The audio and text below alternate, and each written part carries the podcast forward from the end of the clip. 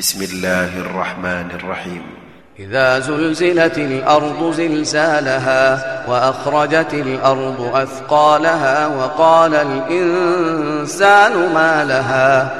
يومئذ تحدث أخبارها بأن ربك أوحى لها.